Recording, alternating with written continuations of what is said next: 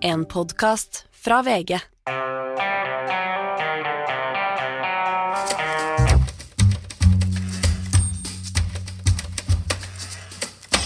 Det er lørdag, det er mediebobler, det er vinterferier i eh, deler av landet, bl.a. Uh, på Vestlandet, men noen tar aldri helt fri, Gard Sterro. Eh, nei, jeg prøver å ta fri, så nå sitter jeg i en bod eh, på fjellet. Eh, for det har Magne lært meg at jeg skal ha det rotete rundt meg når jeg spiller inn podkast, for det gjør lyden noe bedre.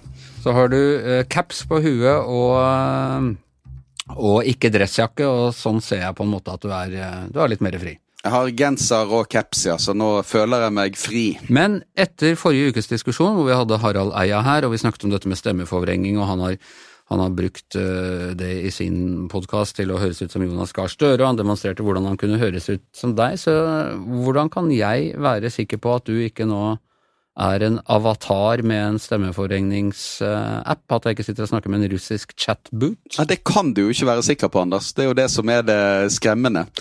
Eh, så du må, du må ha tillit til meg.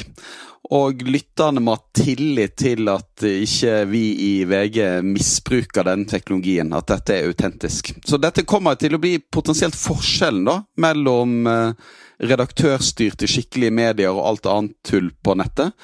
Så, så dette en, kan jo være en fordel for oss. At hvis du skal være trygg på at det du hører er Obama eller Trump eller eh, Anders Giæver eller Jonas Gahr Støre, så må du faktisk til et redaktørstyrt medium. Ja, og vi kan jo ha en sånn liten sånn disclaimer som vi kaller det i Follo, som vi har under at uh, VGs journalister har gått gjennom denne samtalen og kan garantere at det ikke er en uh, AI-språkmodell som representerer Gard Sterro. Det må vi kanskje ha på. Kanskje må vi ha på på alt vi lager, at her garanterer vi at dette er reelt.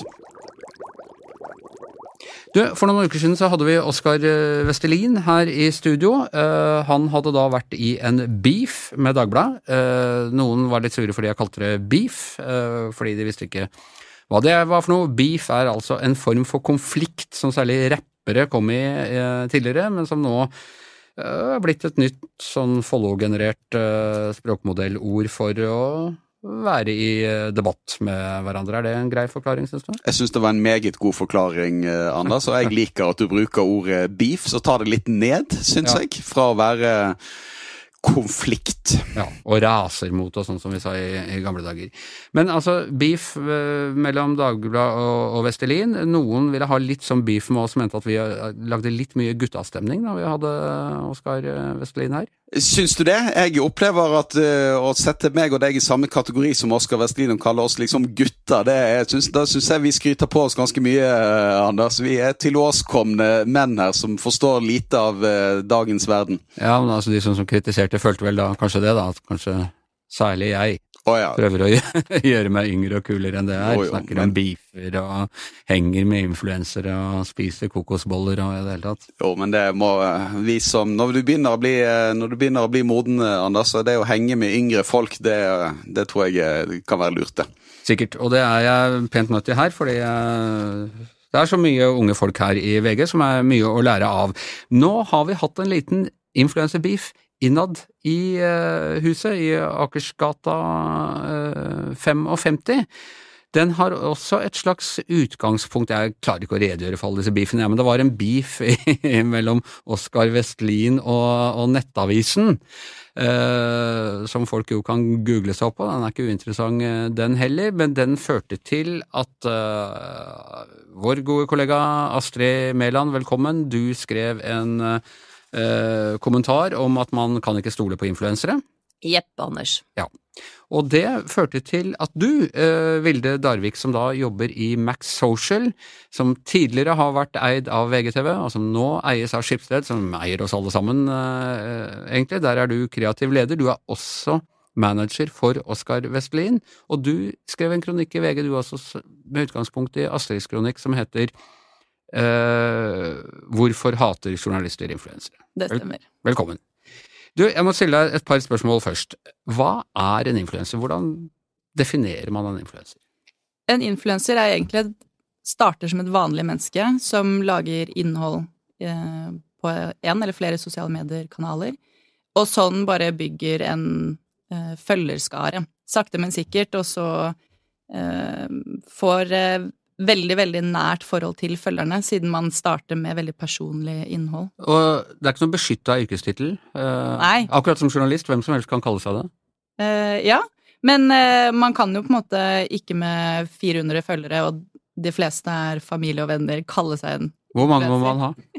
Jeg vet ikke. altså Norge er så lite land, så definisjonen her tror jeg vi har satt i sånn Når du er oppå rundt 10 000 følgere, 10 så 000. er du Ja. Da er du en eh, mikroinfluenser. Jeg, jeg har en eh, både Facebook- og Instagram-konto hvor jeg promoterer eh, cocktailer, sånne tropiske cocktailer fra 50-60-tallet. Mm. Jeg vil ikke si 10 000, altså, men kan jeg si at det er en influenser influencer in spe? Ja, jeg sa jo til deg i stad at du er jo en form for influenser du også, fordi at du påvirker folk.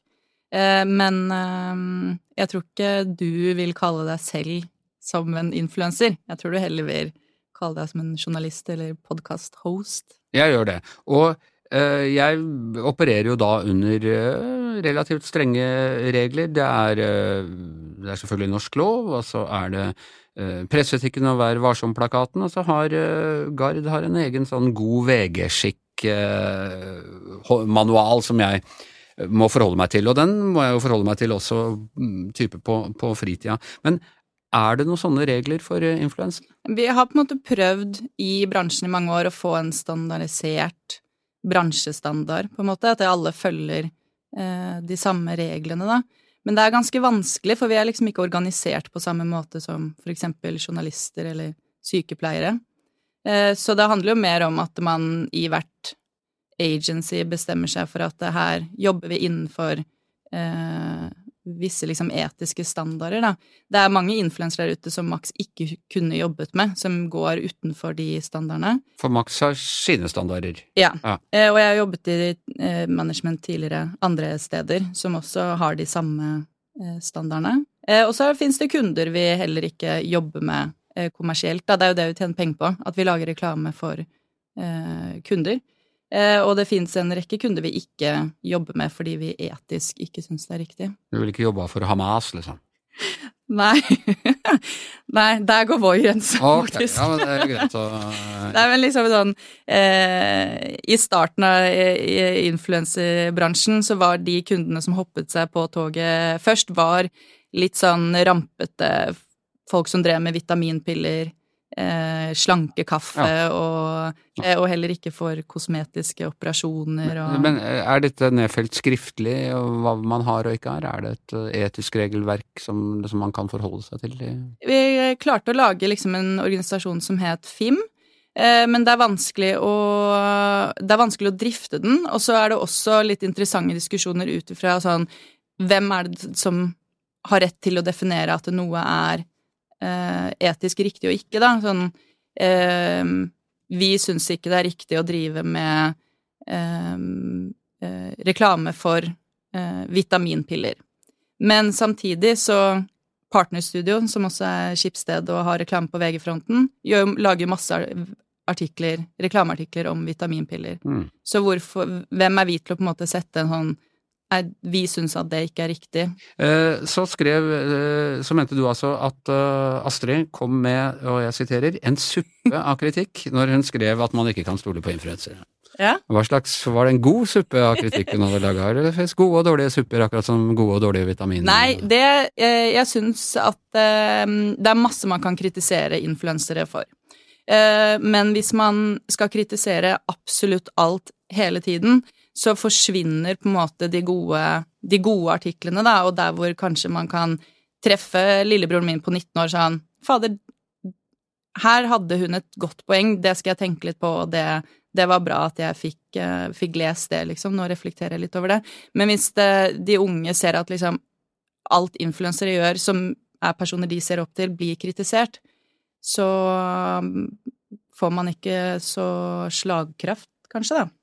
Astrid, er det mm, mest frustrasjon eller mest misunnelse? Vi ser jo at vi mister unge lesere til eh, influensere. Før kom unge lesere før eller siden, så måtte de uh, få seg avis for å få seg jobb og, og skjønne hva som foregikk i verden, men nå har de influenserne, altså. Ja, nei, jeg er rett og slett bare sur. Jeg er sur. Og når du snakker om mediebobler som du og Gard har for to uker siden med Oskar Westerlin, som ville manageren for han, så er Mm. jeg den gjengen som syns at eh, det var altfor dårlig, Anders og Gard. Ingen kritiske spørsmål. Og problemet med influensere er jo at de retter seg mot barn, sjøl om de sier at de retter seg mot 25-30-åringer, men det, de må være barnslige. Og så, eh, så er det utrolig vanskelig å skjønne hva som eh, reklame, og hva de egentlig er oppriktig opptatt av. Jeg leste en eh, rapport fra EU-kommisjonen nå, rett før jeg kom inn i studio, om at 100% av influenserne driver med reklame, 20% opplyser det. Dette er jo EU, da, så det kan være bedre i Norge. Og for det tredje så er det mange som har en ufyselig personlighet, og jeg har en sønn som er under ti år, som sitter og ser på det her, og derfor er jeg sur. Ja, ok. Nå får til å høre på mediebobler isteden, for vi har bare sunne verdier. Uh, ja, uh, Vilde, hva tenker du om det? Altså denne påvirkningen på Du har jo også barn. Uh, ja. Nei, jeg forstår det Jeg forstår det kjempegodt, og det var en periode hvor det var en gjeng med mannlige tiktokere som hadde helt vanvittig kontroversielle meninger, som jeg ikke tror de tror på selv engang, eller mener selv, men at de lager videoer om kontroversielle ting fordi man vet at det treffer og skaper engasjement, og man vokser. Eh, og da måtte jeg si fra til mine barn, nå er de ti og ni år, bare sånn eh, Dette er ikke Hvis dere kommer over sånt innhold, så er det stemmer ikke. Eh, og det fins Det var særlig kjønnsdebatt, som var veldig sånn hypa i fjor, at unge menn på TikTok skulle sto fast på at det fins bare to kjønn, og var egentlig gikk ganske langt, da. Og også når det kommer til det å snakke veldig åpent om eh, operasjoner man har gjort.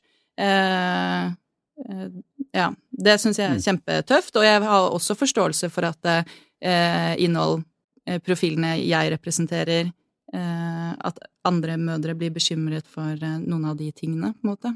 Mm.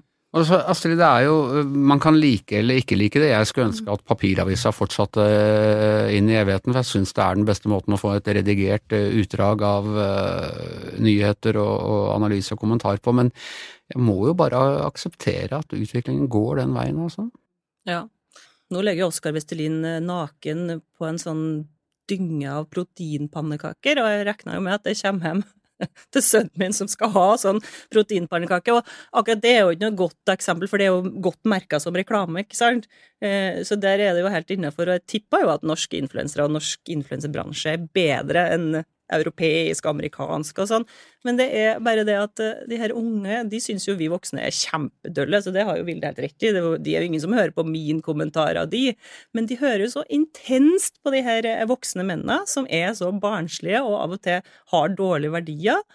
Tøffer seg, og jeg får helt cringe når jeg ser på dem, men jeg er jo snart 50 år, så det er jo ikke så rart. Men de hører så intenst på de, så nå skal de ha pannekake. I fjor var det jo prime, nå går det jo heldigvis på halv pris, den der primen, ingen som vil ha den lenger. Men de to som eh, eh, var influenserne for prime, eh, KSI og, og, Logan Paul, de kom jo til Norge her, og VG dekka det live. Eneste de gjorde, var å reklamere for prime. Og de to der, de har jo blant annet Eh, anbefalt eh, folk å kjøpe NFTs, altså de verdiløse digitale Du er så langt kunst... utafor hva jeg følger med på. Prime og NFT og hva alt Men, er for Ok, oppsummert, da, så påvirker det jo eh, særlig gutta mer enn vi tror, for at jentene har jo alltid vært liksom saken, til å kjøpe for eksempel aksjer og bitcoin og krypto og har så masse dårlige råd, og de er jo unge menn, de òg. Så vi må bare liksom passe på å si fra til ungene våre at de ikke hører på alt det der de sier, for de er kjøpt og betalt, mange av de. Du kan ikke stole på det. De vil egentlig ikke spise sine egne sjokoladeboller. Det gjør jo ikke Oskar Vestelin heller. Han deffa jo. Uenig. Nei, han var, deffa. Jeg ser jo på magen hans. Han var bulk season da vi lagde boller. Å ja. ok, Nei, bulk season, men... Garden er viktig å ikke gå glipp av den. jeg vil bare en kommentar til at um, uh, Oskar er selv 26 år gammel uh, gutt, mann, uh, så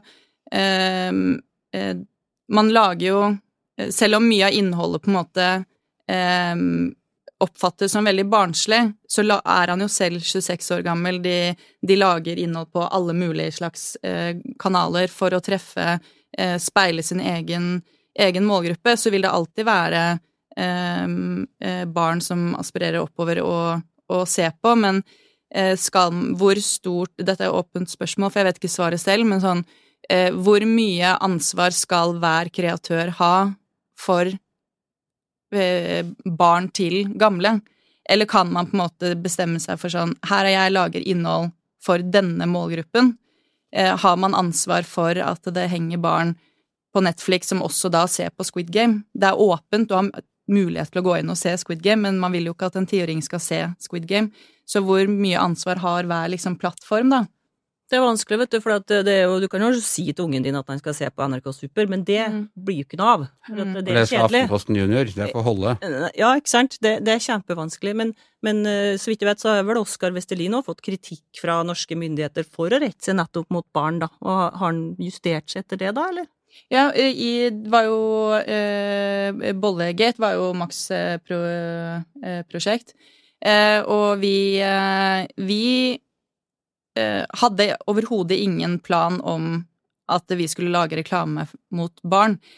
Vi kunne Vi kunne tjent veldig mye penger om vi kunne hatt den bolla i butikken for evig og alltid, men det ble jo en, en kort periode.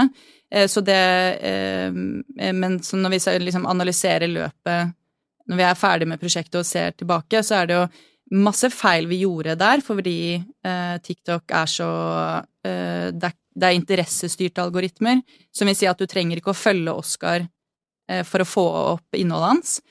Og utad så så det også ut som at vi bare gikk rundt i gaten og bare ambusha masse barn. Eh, men det er, det er barn som eh, Barn har ikke den sperren når de ser en kjendis. Så når jeg går på gaten med Harm og Hegseth, så er det ikke eh, 30-åringer som kommer bort. Det er barn. Ja. Eh, men det er jo eh, virkelig ikke barn som følger Vegard og Morten. Eh, og så skjønner jeg at det er mange flere barn som følger Oscar, men, men det ser veldig skeivere ut enn det er i virkeligheten, da. For vi sitter jo med innsikt og konverteringstall og eh, lyttertall og seertall og vet at det er veldig mange voksne menn og kvinner som også følger han.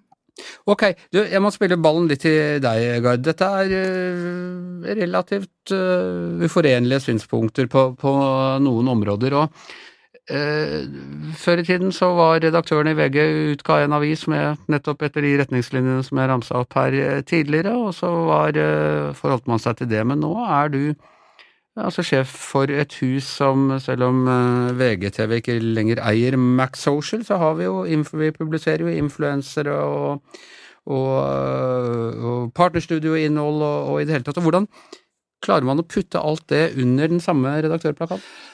Det er, jo, det er jo et vanskelig, for å si det rett ut. Dette er jo, er, det er jo upløyd eh, mark, dette for oss. Eh, men jeg tror vi må begynne litt på Jeg syns debatten her er interessant. Og så tror jeg Astrid gjør en ting som jeg, eh, som jeg tror vi skal være litt varsomme med. Og det er å putte alle disse influenserne i samme pose. Det, like, det er akkurat som når folk kritiserer mediene som en samlet mediebransje, så er det, så er det forskjell på disse influenserne, og det er forskjell på, på måten, de, eh, måten de tenker kommersielt, og hvem de retter og hvilke etiske regelverk de velger å følge, eller hvilke etikk de har i bunn. Men for VG så er, det, så er dette komplisert, vil jeg si. På den ene siden så er denne bransjen, denne influenserbransjen, den kommer til å bestå og sannsynligvis vokse, uavhengig av hva VG gjør. Vi må bare forholde oss til at dette er denne type innholdsprodusenter, som de egentlig er, de, til, de har stor innflytelse, og de kommer til å være en del av mediebransjen, enten vi vil eller ikke. Og jeg tror at, eh, tror at eh, både NRK og TV 2 og VG eh, fortsatt må samarbeide med dem, på samme lik linje som vi har samarbeidet med andre kjendiser opp gjennom årene. Men så må vi òg drive kritisk journalistikk eh, mot dem. Men det er, det, det er en litt annen måte enn vi samarbeidet eh, med kjendiser tidligere, for da var det sånn ok, øh, jeg skal gå først til dere med den nyheten, men, mens dette er noe litt annet. For VG var det det, men for TV 2 og NRK, som alltid har vært både nyhetsredaksjoner og de har drevet med underholdning, så har de stått i dette krevende spennet i mange, mange år. Sånn, De har hatt programledere eller gjester eller folk som har deltatt i underholdningsprogrammer, som de samtidig må drive kritisk journalistikk mot. Og det, er, det som skjer nå, er at både, altså alle medier blir likere. Vi er ikke lenger aviser eller TV-hus. Vi er mediehus som lager, eh, driver med nyhetsjournalistikk og lager underholdningsinnhold og driver med kjøper sportsrettigheter og driver med ganske, ganske et bredt Vi har en bred vifte da, av eh, innhold som vi tilbyr våre brukere. Og det er noe komplisert for oss, og så kan det være vanskelig for brukerne å se forskjell på det noen gang. Men det viktigste for oss er å behandle disse influenserne til min mening altså drive kritisk journalistikk mot dem. For de har enormt mye De har stor innflytelse, mange av dem. Hvis du tar de største som Oskar Westerlin og Sofie Elise Isaksen, en del andre, så har de flere brukere enn det de fleste norske aviser har. Så de har jo et De har et de har, det, Med så stor, mange følgere og så stor fanbase, så følger det et ansvar. Men det følger også et ansvar for, hos oss, for da skal vi drive kritisk journalistikk mot dem. Og det var jo noe av det som denne debatten òg uh, syns kom opp da i forbindelse med denne debatten, at da en del av disse influenserne fikk, uh, ble, ja, fikk et kritisk søkelys mot seg, så reagerte de med å bli litt uh, krenket. Men har du så stor makt som de har, så må de òg regne med et kritisk søkelys. De må regne med å bli de må regne med å bli eh, spøkt med, de må regne med eh, satire, de må regne med å bli utsatt for akkurat det samme kritiske søkelyset som andre med makt i et samfunn skal bli utsatt for. Men vi risikerer jo kanskje nå Vilde snakker om at det er organisering på gang, opp alle jordens bundne influensere, hvis de får Norsk Influenserforbund bare bestemmer seg for at vi gir beng i gamle mediene, trekker seg ut, eh, hva gjør vi da? Nei, det tror, jeg, det tror jeg de norske mediene vil leve greit med. Men jeg tror vi skal bare ta Vi må ta inn over oss at det om vi vender blikket vekk, så forsvinner ikke influenserne.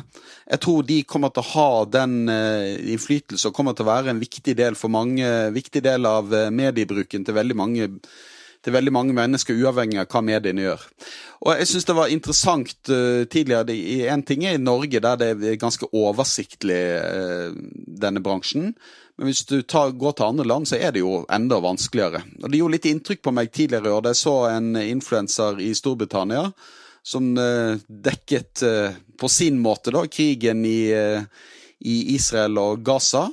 Eh, og hadde flere som fulgte hans sendinger om dette, enn det som var fulgte BBC-sendinger på TikTok. Og Det viser at vi må jo forholde oss til dette på et eller annet vis. Ja, uh, Geir, du sier at, det, uh, at, vi må passe oss for å ikke liksom, dra alle influenserne over én kam, men det har jo absolutt ikke gjort. Jeg nevnte et par stykker. og så tenker at det er ganske mange sikkert som er bra, men for tilliten til media så kan vi ikke lett det her skli ut, da. I Sverige så sitter jo kollegaen av Anders, podkastverter, og leser opp reklame som ikke er lett å skille fra det innholdet som Hvis Anders hadde vært svensk podkastvert nå, så skulle han ha reklamert om to minutter nå for et eh, hårprodukt, sjampo og ting som gjør at du beholder håret og sånn, uten at du skjønner liksom overgangen.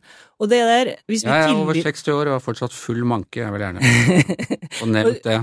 Men sånn har det vært for, for, for, VGTV òg, så har det jo vært problemer der, ikke sant, med produktplassering og sånn.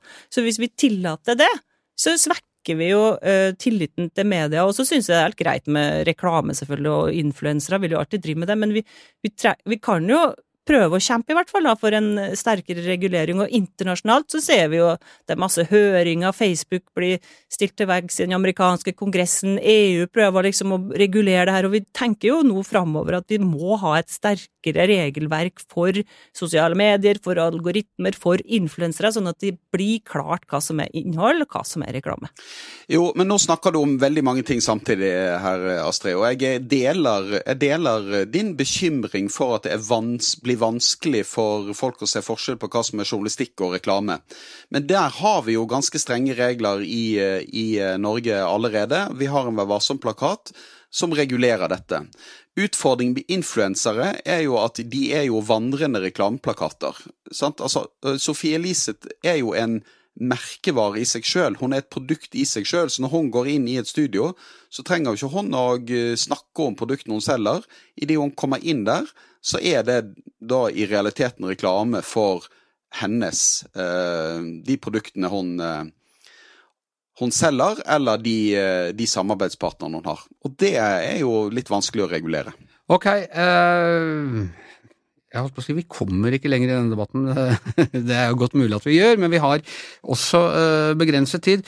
Guide, vi som har jobbet i kommentaravdelingen i mange år, vi blir alltid tvunget til å, å kaste terning etter uh, debatter, og ikke bare det, vi må overrekke sånn skumgummiterning uh, til debattantene. Eh, nå er jo ikke du her, så vi får ikke gitt noe skumgummi, men har du lyst til å gi noe terningkast til debattantene? Nei, jeg, gi, jeg, tror jeg skal gi en ganske høy terningkast både til uh, Vilde og Astrid. For, at, uh, for denne diskusjonen syns jeg er Jeg syns den er både interessant og ganske viktig for mediene. Og jeg syns det er bra at to som da jobber i samme hus, tar den debatten ut i offentligheten. Det, at det er ulike syn på dette, og også internt i et mediehus eller i et medieselskap, det tror jeg jeg er bra for mediene at vi ikke nødvendigvis går i flokk, men at vi viser fram den uenigheten ut. Det syns jeg er bra. Det syns jeg òg. Den terningkastet det smitter jo, drypper jo litt på deg òg som eh, lar dette skje, for jeg hadde jo ikke kunnet gjort det hvis ikke du hadde latt oss eh, få lov til det. Så terningkast seks til oss alle sammen, inkludert Magne, vil jeg si. Men det er jo ikke den eneste beefen i eh, medieboblene denne uka. Eh, kulminasjonen av eh, den største biffen siste halvåret, Bamsegutt-saken, eh, har da vært i Pressens faglige utvalg med ikke helt uventet resultatgard, men faktisk med dissens i utvalget? Ja, dissens på Det var jo tre punkter de var klaget inn for. Det var jo at de hadde eksponert et barn. Der var, ble de felt, og NRK var enig med at de hadde gjort noe galt så ble de felt for at de ikke hadde opplyst om denne gamle sedelighetsdommen. Der var NRK mente òg at det var feil. Og så sto da diskusjonen om det som i Varsom-plakatens punkt 2.2, og den handler om at du ikke skal gå inn og bli en aktør i sakene du dekker. Altså du skal verne om din egen uavhengighet. Og der delte utvalget seg, der eh, NRK mente at de ikke hadde brutt dette punktet i Varsom-plakaten, og et stort flertall de mente at NRK hadde brutt dette punktet. Og det de særlig la vekt på, det var Tore Strømøy i NRK. De hadde sendt inn en oppholds, et søknad om en oppholdstillatelse på vegne av Bamsegutt sin familie. Og det mente da eh, PFU at her gikk de over streken. Dette var egnet til å svekke tilliten til journalistikken. Men så var det en, eh, en ensom sjel da, som tok dissens, og det var Dagbladets eh, sjefredaktør Frode Hansen. Som, eh, som, sa at han mente at dette var greit, fordi at NRK opplyste om det. Det var ikke noe skjult binding, dette. De var helt åpne om at de gjorde det. Så der, der ble skilte utvalget seg. Og jeg må si at jeg forstår eh, konklusjonen, og jeg syns det er problematisk det at eh, NRK fyller ut denne søknaden. Da går de på en måte og griper inn i historien. Men så syns jeg òg at Frode Hansen har noen veldig gode poenger som vi skal eh, lytte litt til. Og det er at hele samfunnsoppdraget til mediene handler jo noen ganger om å eller handler jo om å hjelpe sårbare mennesker, løfte fram sakene deres. Og Frode Hansen eh, mener her at det NRK gjør her, det er en form for aktivistisk, da nærmest eh, journalistikk, som det må være rom for. Så han er redd for at PFU da innskrenker muligheten til å drive til å drive, til å drive journalistikk med en veldig tydelig slagside. Og synes jeg, eh, Der syns jeg Frode Hansen har noen gode poenger da, i, det, i sin argumentasjon der. Så jeg, jeg, er glad for at han òg tok dissens der, sånn at man den debatten da òg kan leve litt videre, og at man kan diskutere akkurat denne gråsonen som mye veldig god journalistikk ligger i. da. Og I VG, VG er det lange tradisjoner for det. Vi hadde en spalte som het VG hjelper deg eh, i sin tid, var en av de populære tingene. Og også i store prisbelønte, tunge saker vi har hatt, som f.eks. denne eh, Tolga-saken, er vi også blitt beskyldt for å være eh, aktivistiske. Og det, veldig, og det, er veldig, mye journalistikk der eh, som, ble, som er, som er å regne som aktivistisk. Eh, NRK påpekte jo det bl.a. med mye av forbrukerjournalistikken som du nevner her. VG hjelper deg er jo ett poeng, men veldig mye av forbrukerjournalistikken handler jo om at journalistene eh, og redaksjonen stiller seg på veldig side med forbrukeren. Uh, og, og, det er jo veldig mange dokumentarfilmskapere som har en helt klar agenda når de går inn og lager en, en dokumentar. Og de, hele Michael Moore sitt prosjekt handler jo om å ha en slagside. og Han eh, har jo vunnet både gullpalmer og Oscar for det han har holdt på med. Men jeg vet ikke om jeg vil trekke ham fram som et eksempel på en god journalist likevel, for han er vel en ren politisk aktivist? Ja, det, det er han, men, men, det, men, likevel så tror jeg òg at en del av Det må være et rom òg for journalistikk med en slagside. Og så er jo problemet her at NRK gjør dette samtidig som de da ikke tar med en del viktig informasjon i serien, og det svekker jo hele, hele Bamsegutt-dokumentaren. Men men det jeg tror vi skal være varsomme med, det er å, eh, er å, å lage så uh, Ramme inn journalistikken så mye at man ikke har At det ikke er et rom da for journalistikk med en tydelig agenda for det man kan kalle kampanjejournalistikk. Og da er lakmustesten er jo om mediet er åpne om det de gjør. Og det var NRK i denne saken her. Så derfor syns ikke jeg at dette var et sånt opplagt brudd på Vær varsom-plakaten. Og jeg syns uh, Frode Hansen da fortjener honnør for å, for å vise at her er det litt ul... Her er noe annet også står på spill når man, uh, når man uh, dømmer de for dette. Samtidig så tenker jeg at dette er nok en en avgjørelse som hele pressen kan leve med. For det er veldig konkret. Det dreier seg om denne søknaden om oppholdstillatelse. Og der syns jo jeg òg at NRK kunne løst det på en helt annen måte. Han hadde jo en advokat på Amsegutt som kunne fylt ut denne søknaden. De kunne ja, de kunne gjort Akkurat det kunne løst det på en annen måte. Jeg syns NRK argumenterer greit for sitt eh, for valgene de tok akkurat på det punktet. Og så er det mye annet som er kjempeproblematisk med den dokumentaren. Ja, og vi i mediene får av og til eh, bli beskyldt for å gå i flokk, og den har vært ganske unison, den fordømmelsen av Bamsegutt-saken. Så det er jo bra at eh, folk som Frode Hansen eh, tør å stå litt imot konsensus. Altså, Jeg mener at Frode Hansen gjør to ting som er viktige. For det første så prøver han å legge en, altså bidra til en rød tråd i, i PFU sin argumentasjon. Uh, og det er jo viktig, akkurat som det skal jo være en for, forutberegnelighet. sant? Altså, Mediene skal kunne lese tidligere uttalelser fra PFU og bruke de som en rettesnor. Fordi at det etiske regelverket gir masse rom for tolkning, og da er det uttalelsen til PFU man kan lære av. Og Frode Hansen, uh, uh, det er jo andre journalistiske arbeider som har blitt vurdert av PFU tidligere, der PFU har kommet til en annen konklusjon. Blant annet et prosjekt VGTV hadde for noen år siden som het Homoterapi, der programleder Morten Hegseth hadde en helt klar agenda da han lagde den dokumentarserien. Han gikk inn og sa at jeg er ikke nøytral her. Jeg skal bruke denne serien her til å løfte fram eh, altså de problematiske sidene ved konverteringsterapi.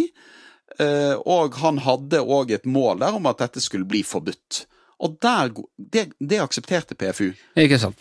Ok, eh, Bamsegutt, da er, er, vel den eh, endelig i bakspeilet, den saken der, går jeg ut fra? Eller er det noe gjenstående? Nei, det er han ikke nødvendigvis.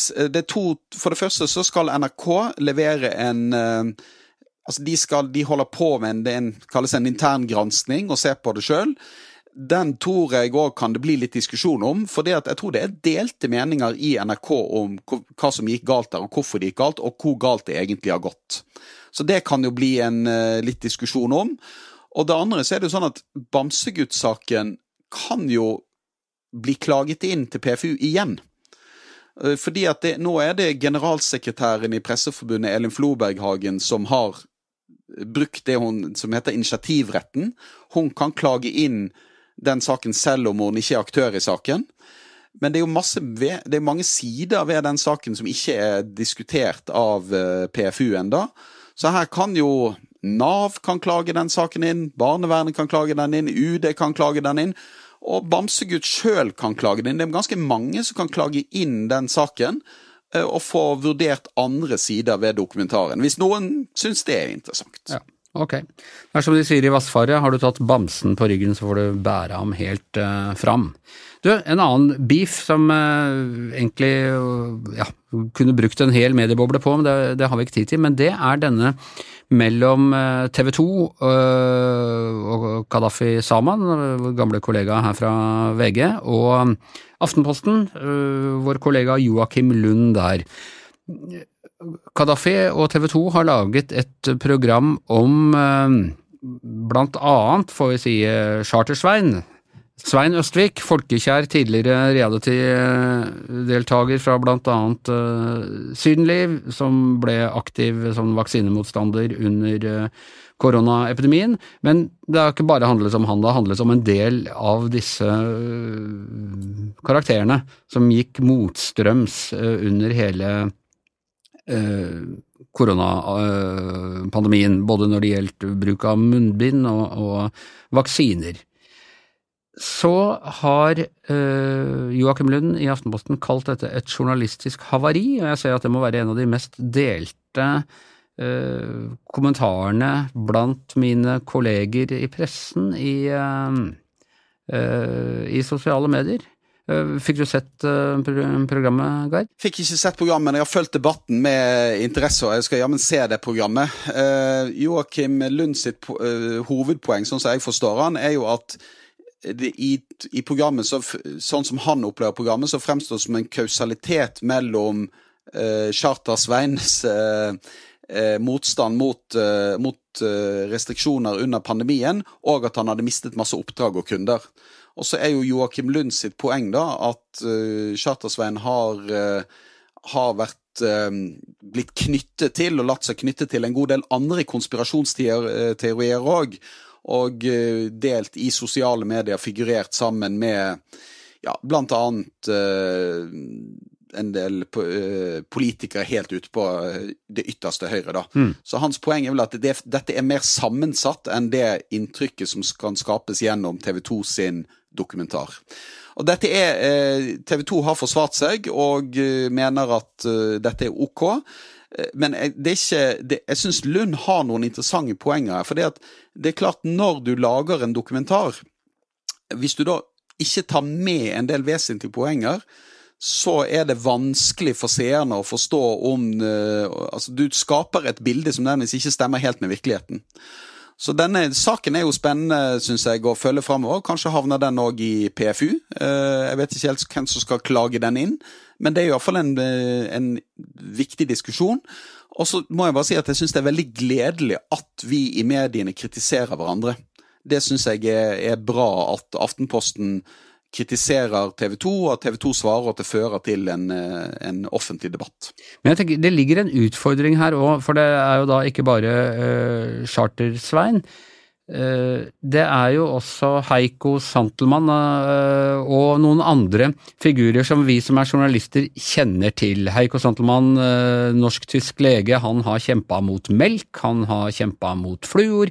Han er av de som stadig går igjen, og man kanskje bli, kan bli litt sånn lei av i pressen, og nå er det han igjen, og nå får du kreft av bilbeltet også, ikke sant? Eh, så at man litt lett bare skyver dem eh, bort, og det er lett å avfeie eh, Charter-Svein også. Og dette gir et interessant innblikk, sånn rent dokumentaristisk, dette programmet, i det miljøet. Ja, og ære være TV 2 som gjør det, og jeg er ikke Altså, her, spørsmålet her er jo om TV 2 burde tatt mer med i programmet. Om de burde gitt da seerne noe mer informasjon om alt det andre Charter-Svein hadde ment, eh, for å, for å, bedre forstå hva som var årsaken til at han hadde, at han hadde fått trøbbel etter pandemien. Men, men jeg syns jo det er bra at TV 2 går inn i det, og jeg syns òg det er bra at TV 2 går inn i det uten å bli så utrolig fordømmende. Mediene må være åpne. sant? Vi skal ikke gå inn og ikke være kritiske selvfølgelig til Chartersveien og de som sprer konspirasjonsteorier. Men samtidig det å gå inn og fortelle om disse miljøene og hvordan de fungerer, eh, og hva som driver de, og det syns jeg er prisverdig journalistikk. jeg. Men det er klart at hvis du, hvis du, men da stiller det litt ekstra krav til deg, for da må du vise det hele bildet. Men hva syns du da, Anders, om dokumentaren? Nei, du som altså, har sett den? Litt fordi jeg hadde lest da ikke bare Joakims, eh, som jeg for så vidt også kjenner, selvfølgelig, eh, kommentar, men, men også veldig manges reaksjoner, så opplevde jeg etter det eh, at jeg ikke syns det var så påfallende som jeg kanskje hadde, hadde, trodd. Men altså, det er jo riktig, og Charter-Svein som har lagt ut selfier med, med lysglimt, og, og at det er, det er, flere ting å, å påpeke der. Men jeg tenker at det er også en journalistisk metode å la kameraet gå uh, av og til, og at vi journalister av og til kan bli litt for opptatt av uh, at vi skal liksom arrestere hver gang det er et eller annet som uh, avviker fra det vi mener er riktig. Av og til må vi overlate til seere og lyttere og, lesere å kunne vurdere litt selv. Men det som jeg tror opplever kritikken, er at hvis, du, hvis, du, hvis det er informasjon i saken som ikke helt passer inn i, eh, i den, det, det, bildet av virkeligheten du prøver å skape, da har du et problem som dokumentarist. For det må med hvis seeren skal klare å forstå uh, sammenhengene. Ja. Men det er ikke sånn at han ikke møter motstand på, på uh, standpunktene i, i, denne her, men det er klart at det, er et stort og relativt uh, komplisert bilde, hele greia. Og må bare legge til der Kadafi Saman har altså jobbet med her i VG, og jeg regner han som en venn. Du, siste vår øh, Nå sier jeg vår venn hele tida, som alle er vennene våre, men øh, det er et uttrykk jeg har. Fredrik Solvang. Han har ifølge seg selv øh, gjennomført den dårligste utgaven av Debatten noensinne. Fikk du sett det? Ja, jeg fikk sett den. Uh, og det var en underlig debatt, og jeg ble ikke så mye klokere av den. Uh, jeg syns det er fint at Fredrik Solvang går ut og bare innrømmer det. Det er, det er, er bra personlig så, så syns jeg det var ganske underholdende å se på. Eh, men jeg syns òg at det var en mist opportunity, som det heter, eh, her til å løfte en, eh, altså en ganske viktig problemstilling, og snakke litt mer dannet om den, da. Fordi at her er det jo en leder for FPU som har gått ut og, i, og ja, beklaget måten han, han fremsto på på TikTok. Men så er det jo noe i denne diskusjonen som jeg syns er viktig å få en diskusjon om, og det er jo alle de mennene som opplever at de ikke lykkes i samfunnet. Og uh, iallfall alle de mennene som forblir da uten en partner eller ikke får barn. Og det er klart hvis, hvis, eh, hvis 10 eller 20 eller 25% av norske menn opplever at de ikke klarer å finne seg en å de, uh, dele livet med, så kan man si at det så, sånn er det bare. Det får de leve med. Men det, de gjør jo noe med samfunnet på sikt som, som vi må ha, kunne ha en diskusjon om. og den, den debatten klarte man ikke å ta i um, Den klarte ikke Fredrik Solvang å få løftet, da, sånn som jeg tror håper intensjonen hans egentlig var. Ja, og da bare legge til at det er jo også et voldsomt fokus på unge kvinner eh, i mediene, også her i VG. Vi er veldig veldig opptatt av å nå fram til unge kvinner. Kunne vi vært flinkere til å være opptatt av å nå fram til unge menn og finne ut hva unge menn er opptatt av, og hvordan de eh, plasserer seg i eh, den offentlige debatten? Eh, ja, det syns jeg. Altså, nå, er ikke, altså, nå, er det jo sånn at hvis man ser på tallene til de flest, aller fleste medier, så har de flere mannlige lesere enn kvinnelige lesere. Og det tror jeg er fordi at en av grunnene til det er at media har vært eh, redigert og skapt av menn. Eh, sånn at jeg tror at vi med fordel kan jeg tror, det, jeg tror, ikke det, skader oss eller den offentlige samtalen om vi blir litt mer opptatt av å bli relevante for unge kvinner. Men det er en del grupper av menn som jeg er urolig for at ikke bruker redaktørstyrte medier, enten det er NRK eller VG. Og det er kanskje, hvis jeg ser på tallene, menn med innvandrerbakgrunn. Der tror jeg eh, de, Jeg tror mange av de med rette opplever at mediene ser på de utenfra. At vi ikke har eh, kilder, vi er ikke inne og forstår de problemene de møter i hverdagen, mens vi beskriver de i ganske stor grad bare som en problematisk gruppe. Så her tror jeg, der tror jeg vi har mye å hente i mange redaksjoner. Det mangler ikke på utfordringer i jobbene våre, Gard? Nei, det, blir, hvis, det, hvis, man kan leve av utfordringer, så kommer vi aldri til å bli arbeidsledige, Anders. Det er fordelen. Det er viktig å definere det som utfordringer og ikke problemer, i hvert fall, har jeg, har jeg lært på kurs.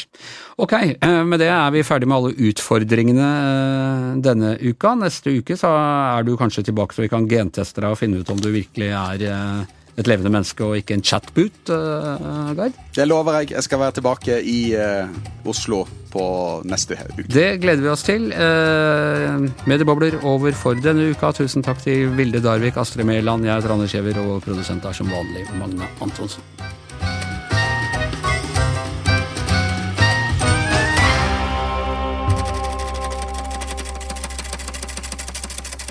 Du har hørt en podkast fra VG. Ansvarlig redaktør, Gard Steiro.